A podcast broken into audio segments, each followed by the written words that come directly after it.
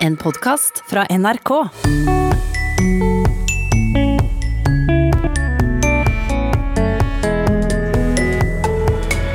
Språk kan bli kunst, men det krever mye hardt arbeid. Absolutt. Jeg sitter og forandrer, skriver om, flytter på ord, flytter på setninger, stryk, skriver på nytt. Og jeg tror jeg har skrevet om de første sidene litt over 20 ganger. Når jeg sitter og pirker og pirker og pirker, så kan det være ganske tungt. Og sjøl en munneropp ordkunstner kan slite. kvier meg egentlig for å sette seg ned, for jeg vet jeg butter i et eller annet. Og sånn er det med enkle ting. Du, du butter, og så kommer du ikke videre. Vel møtt til Språkteigens sommermiks. Språk i kunsten er den røde tråden i dagens sommermiks. Og det kan høres litt pompøst ut, særlig når vi vet at kunst er ofte hardt arbeid, og i dette tilfellet hardt språkarbeid. Språkteigen har det siste året besøkt flere forfattere som har fortalt om hvordan dem jobber med språket når de skriver, og alle forteller at språkarbeidet er en tidkrevende øvelse, som Maja Lunde for eksempel. Hvis du hadde gitt meg mulighet, så hadde jeg sikkert sittet og pirket på gamle tekster ennå. Så det er vel helt sånn til slutt så river redaktøren det mer eller mindre ut av hendene på meg, tror jeg. Det er kollega Stein S. Eide som har hatt flere forfattermøter her i Språkteigen, deriblant med Maja Lunde. Vi skal eh, hente inn en gjest til, og hun dere skal få møte nå, hun er Norges nye litterære stjerne. I 2015 skrev Maja Lunde 'Bienes historie'. En applaus for Maja Lunde! Maja Lunde.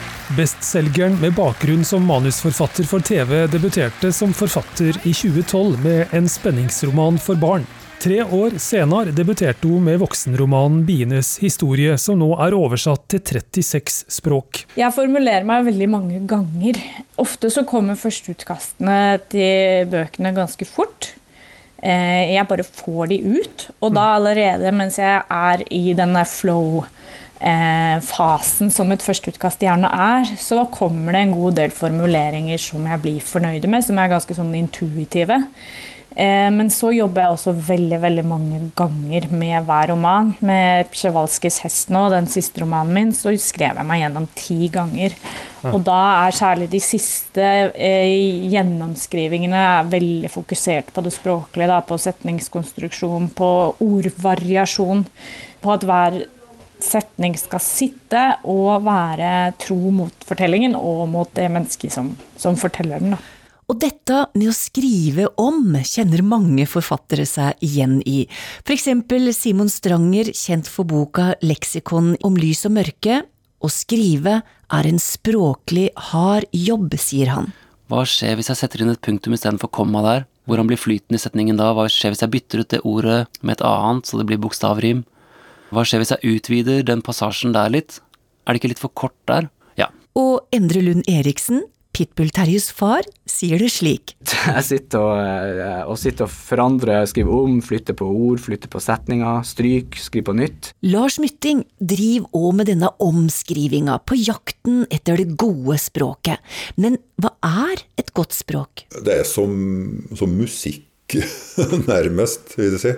Det er både klangen og, og, og rytmen. Hvis, hvis, det er fullendt, så, så, er det slik at uh, historia kan gjenfortelles av noen andre. Men hvis uh, forfatteren med sitt spesifikke språk skriver bok som ingen andre kunne ha skrevet, da syns jeg at det virkelig begynner å løftes opp på den store romankunsten.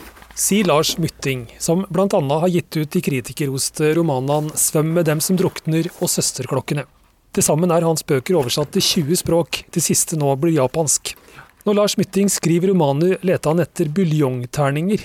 Ord som løser seg opp som en buljongterning i varmt vann for leseren. Leseren kjenner på det ordet, og, så er det såpass sjeldent sært, men likevel innholdsrikt at når det løser seg opp så, som en buljongterning, så, så, har du fått sagt veldig mye med det ene ordet. Og, og etablert en verden og kanskje en, en kultur. Et eksempel på buljongterninger Mytting er fornøyd med, finner han i romanen 'Vårofre'. Eh, når det skal beskrives eh, folk som er foretaksomme.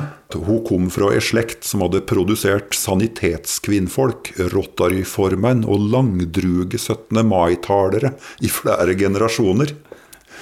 Og da har du med en gang den uh, lederskikkelsen da, i, i, i bygd. Rotaryformenn og sanitetskvinnfolk. Men aller viktigst langdruge 17. mai-talere. Og flere av forfattere som Språkteigen har møtt, prater om det gode språket som flyt, klang og musikalitet. Et godt språk kjennetegnes ved at det er musisk, og at det flyter godt.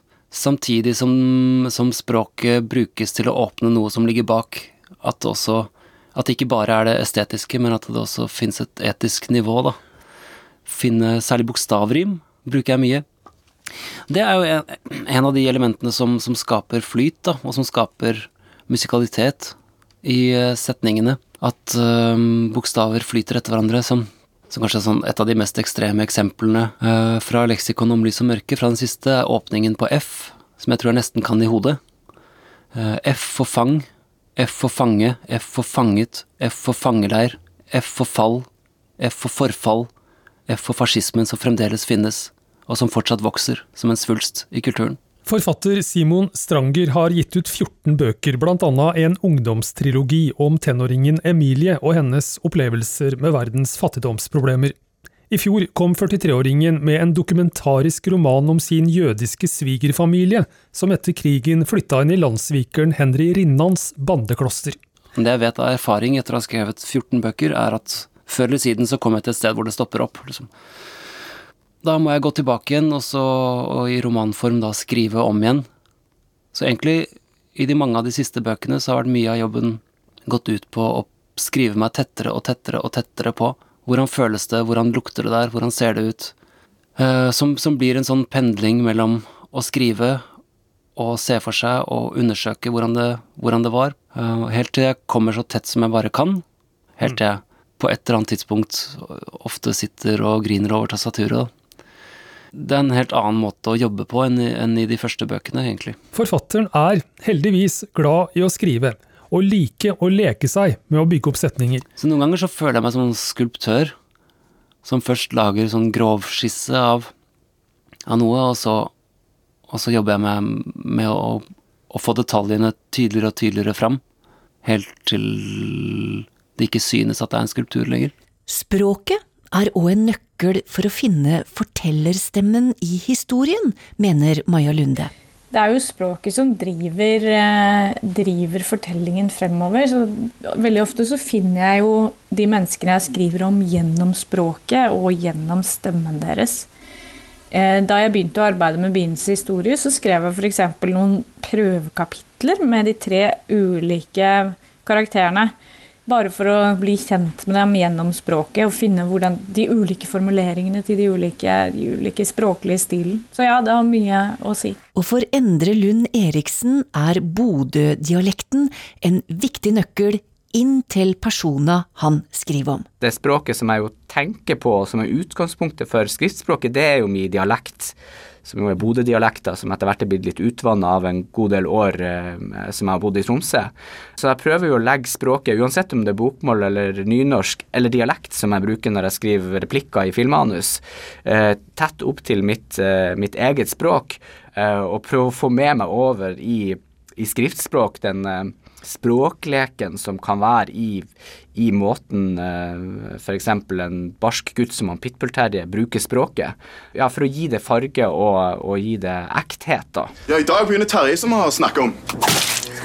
Hva med rett rundt Terje? Er det Tjukke-Terje, eller? Skal kalle meg Pitbull-Terje. Fordi jeg er Pitbull! Skjønner du det? Filmen Pitbull-Terje er basert på barneboka som Endre Lund Eriksen debuterte med i 2002. Sida har han skrevet mange kjente og kjære bøker for barn og unge, som serien om Alvin Pang og Den sommeren pappa ble homo. 43-åringen innrømme at det er utfordrende å skrive et språk som unge kan kjenne at seg i. Det er helt klart utfordrende, og det er jo alltid sånn at altså, for hvert år som går, så blir jo bare jeg eldre og kommer lenger og lenger bort fra målgruppa. Så da jeg skrev de første bøkene mine, så følte jeg at jeg var ganske nært det å være ungdom, uh, og at jeg huska veldig godt hvordan det var, og huska språket. Uh, men så opplever jeg jo for hvert år at jeg blir eldre og eldre, og at det blir lenger siden, og at jeg blir mer i tvil. I tillegg er Endre Lund Eriksen opptatt av å bygge en dramaturgi i hver enkelt setning når han skriver. F.eks. At, eh, at det som gjør at noen blir trist, det som gjør at en karakter blir trist, det kommer først, og så kommer reaksjonen. Men enda viktigere dette i, i humor, eh, der timing jo er helt avgjørende for at man skal få ut humorpotensialet i en setning. Og der er jo ett eksempel på det, den første setninga i eh, boka 'Den sommeren pappa ble homo'. Eh, der er den første setninga 'Det har vært en fantastisk sommer, selv om pappaene våre ble homo'.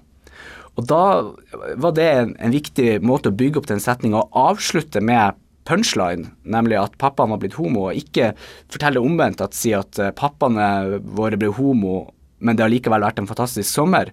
For da mista vi timinga og humoren i, i, i den setninga.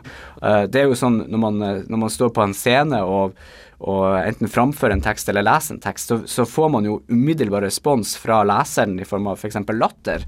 Uh, og da må man jo gi rom til at man faktisk kan le når det er artig. Det må ikke være sånn at setninga fortsetter før salen har fått ledd. Og litt det samme er det med en, en, en romantekst. Det må også gi leseren rom til å kunne få, ta inn det som blir fortalt, få, for, rom til å le eller til å føle det som, som man ønsker at leseren skal føle. Lars Mytting innrømmer at han gjerne finner opp dialektord for den gode språkføringas skyld. Det viktigste er, er det ordet som er 'skråpånatta', som er beskrevet som en lokal forestilling om dommedag, som ligner ragnarok. Men det var et dialektord? Som... Nei, nei, nei, jeg fant på det. ja, ja. Også, og andre ord som jeg òg trengte ett enkelt ord for, og som ikke fantes før, det var det det var det irret som var på innsida av kirkeklukkene, som var sagt å ha helbredende egenskaper. Og det måtte jeg ha et ord for, for jeg kunne ikke drive og eh, remse opp og, og kalle det irr og pulver og, og slik. Så det, det ble kalt helgenskurv. Det har du funnet på sjøl? Det fant på sjøl. Når er du fornøyd eh, sånn språklig sett med det du har skrevet? Nei, Jeg, jeg leste om igjen og om igjen. Uh, faren med det er at du kan skrive det i hjel. Slik at du ser noe som, som, faktisk er bra, men så har du sett det så mange ganger at det begynner å klinge hort. Og da kan en gå inn og enten dempe eller skru opp for mye. Det som jo er litt uh, som er litt ironisk, at det er jo veldig ofte de setningene som bare kommer av seg sjøl. Uh, det er ofte det de setningene som er de aller beste, og som, som forteller mest rett fram og best. Så det er litt uh, kjipt at noen ganger så er det sånn at de avsnittene som jeg virkelig har knadd veldig mye på, de er ikke nødvendigvis de beste, da. I en roman så er det ikke slik at du i hvert fall ikke gjør at det er til denne veldig musikaliteten overalt. Av og til må du bare slå nedpå og si at noen setter seg i bilen og kjører til Gjøvik. Uten noe mer tjafs enn det. da. Kan ikke drive eh, med slik gullsmedbroderi overalt i en bok på 500 sider. Andre, andre plasser må folk bare få eh, lagt seg og stige opp og hente posten og, og gjort ordinære ting uten at det skal dekoreres. da. Så må man jo til slutt bare si at nok er nok. Og noen ganger på slutten så blir det jo gjerne sånn at jeg skriver meg bortover. da. Jeg skriver meg ikke oppover i kvalitet, jeg bare gjør det annerledes for endringens skyld. Og da er det vel godt en slags sånn trøtthet i manuset, tror jeg. Så da er det veldig godt at man har andre mennesker som sier at nå er du ferdig. Ja, det sa Maja Lunde til slutt i Språkteigens lille forfatterspesial, der vi har henta fram forfattermøter som Stein S. Eide har hatt i sendinger gjennom det siste året.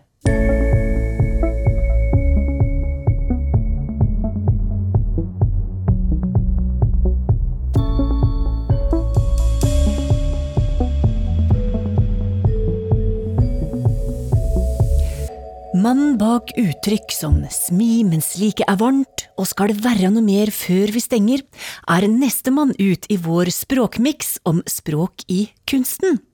Øystein Sunde har alltid vært glad i språk, bortsett fra på skolen. på et eller annet tidspunkt så kom ordet 'drøft' inn i skoleverket. Og ordet 'drøft' tror jeg er det styggeste ordet jeg vet om. Jeg prøvde å unngå så lenge som mulig å skrive. Rett ut av TenSing med puppen i været. Hun kler seg som Madonna, hun vet åssen det skal være, frøken Bibelstripp.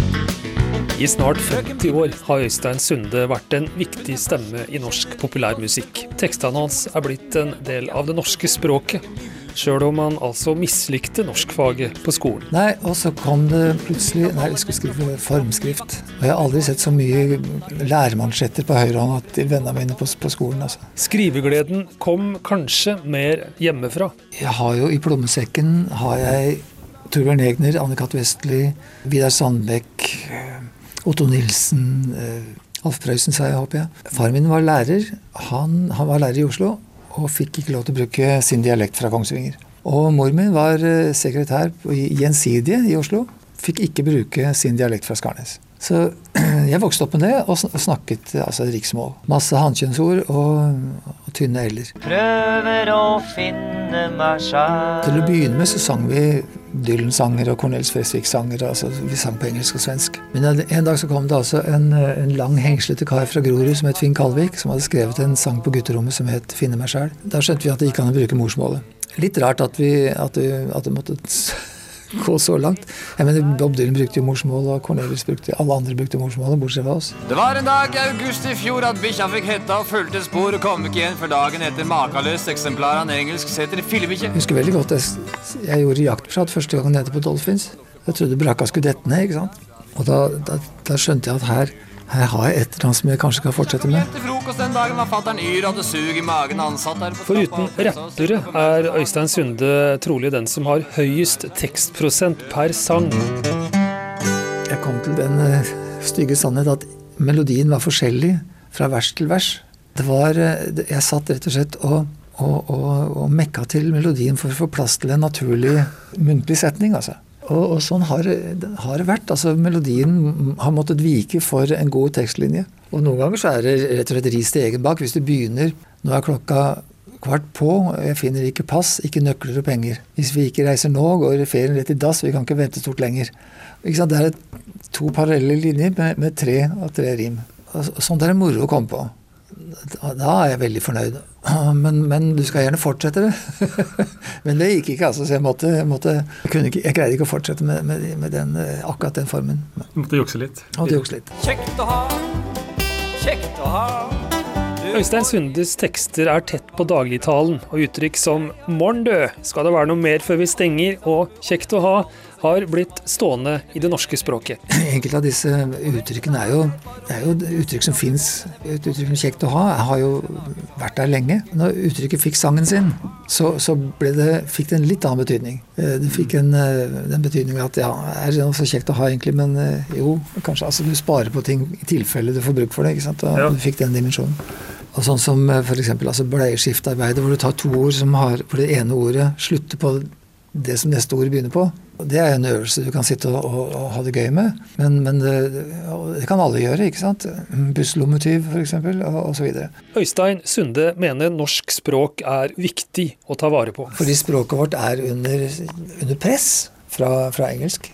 Og selv om eh, vi gitarkameratene har, har holdt norsk faen høyt og og sagt hvor viktig det er å, å, å bruke det norske språket, så, så, hjelper det nesten ikke når, når uh, næringslivet gir faen. Altså. Det står ikke salg, det står sale. ikke sant? Hvorfor? Er det fordi de får da gratis reklamemateriell fra utlandet? Hvorfor er som Hvorfor er de så dumme? Du hører jo i Språkteigen eller ikke sant, Sylfest Lomheim som, som uh, som snakker om at språket alltid vil være under utvikling, og det vil det jo være. Men det går an å bremse litt på enkelte ting. altså Ikke, bare, ikke fullstendig knefall for, for, alt engelsk.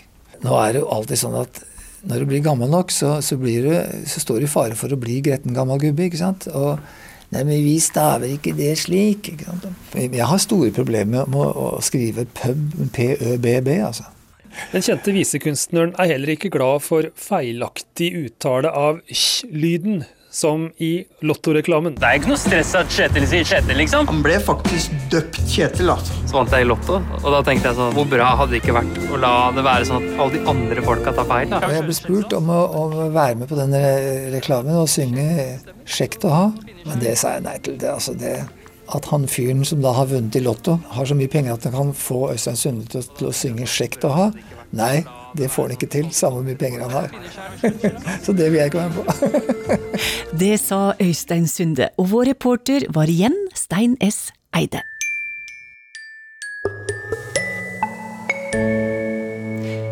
Fra forfattere via en visesanger til scenen og til scenespråk. I sommerserien Språkglimt henter vi fram innslag fra arkivene til de gamle NRK-programma Språkøret og Språkrøret.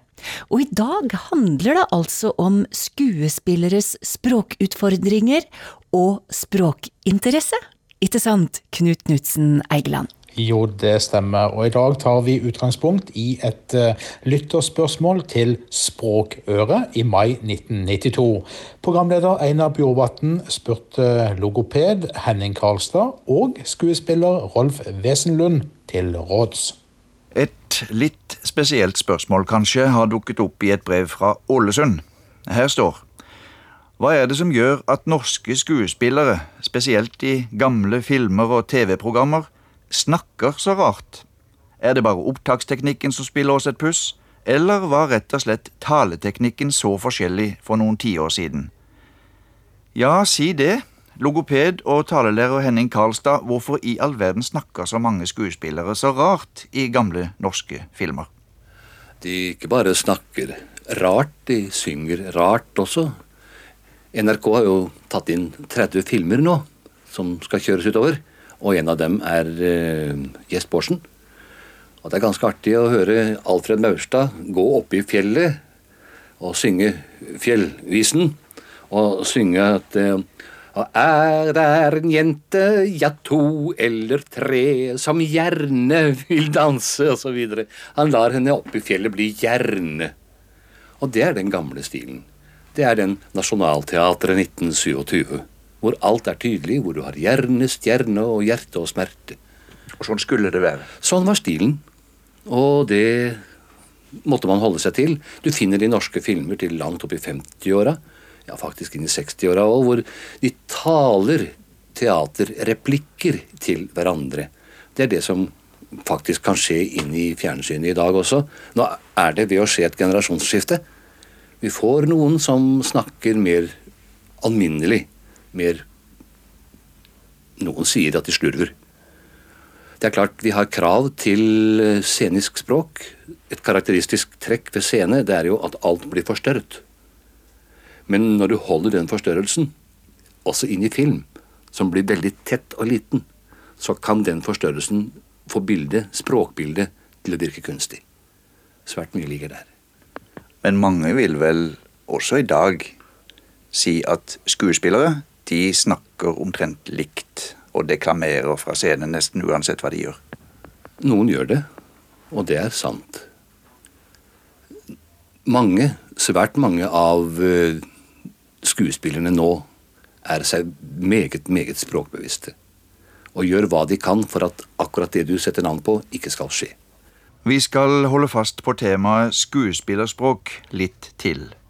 For noe av problemet ved scenespråk, eller filmspråk, eller kringkastingsspråk for den saks skyld, er selvsagt at det er så lett å bli bundet av manuskriptet til det budskapet som skal fram og dermed forsvinner lett noe av muntligheten og naturligheten i replikkene, slik Rolf Wesenlund kommenterer det her.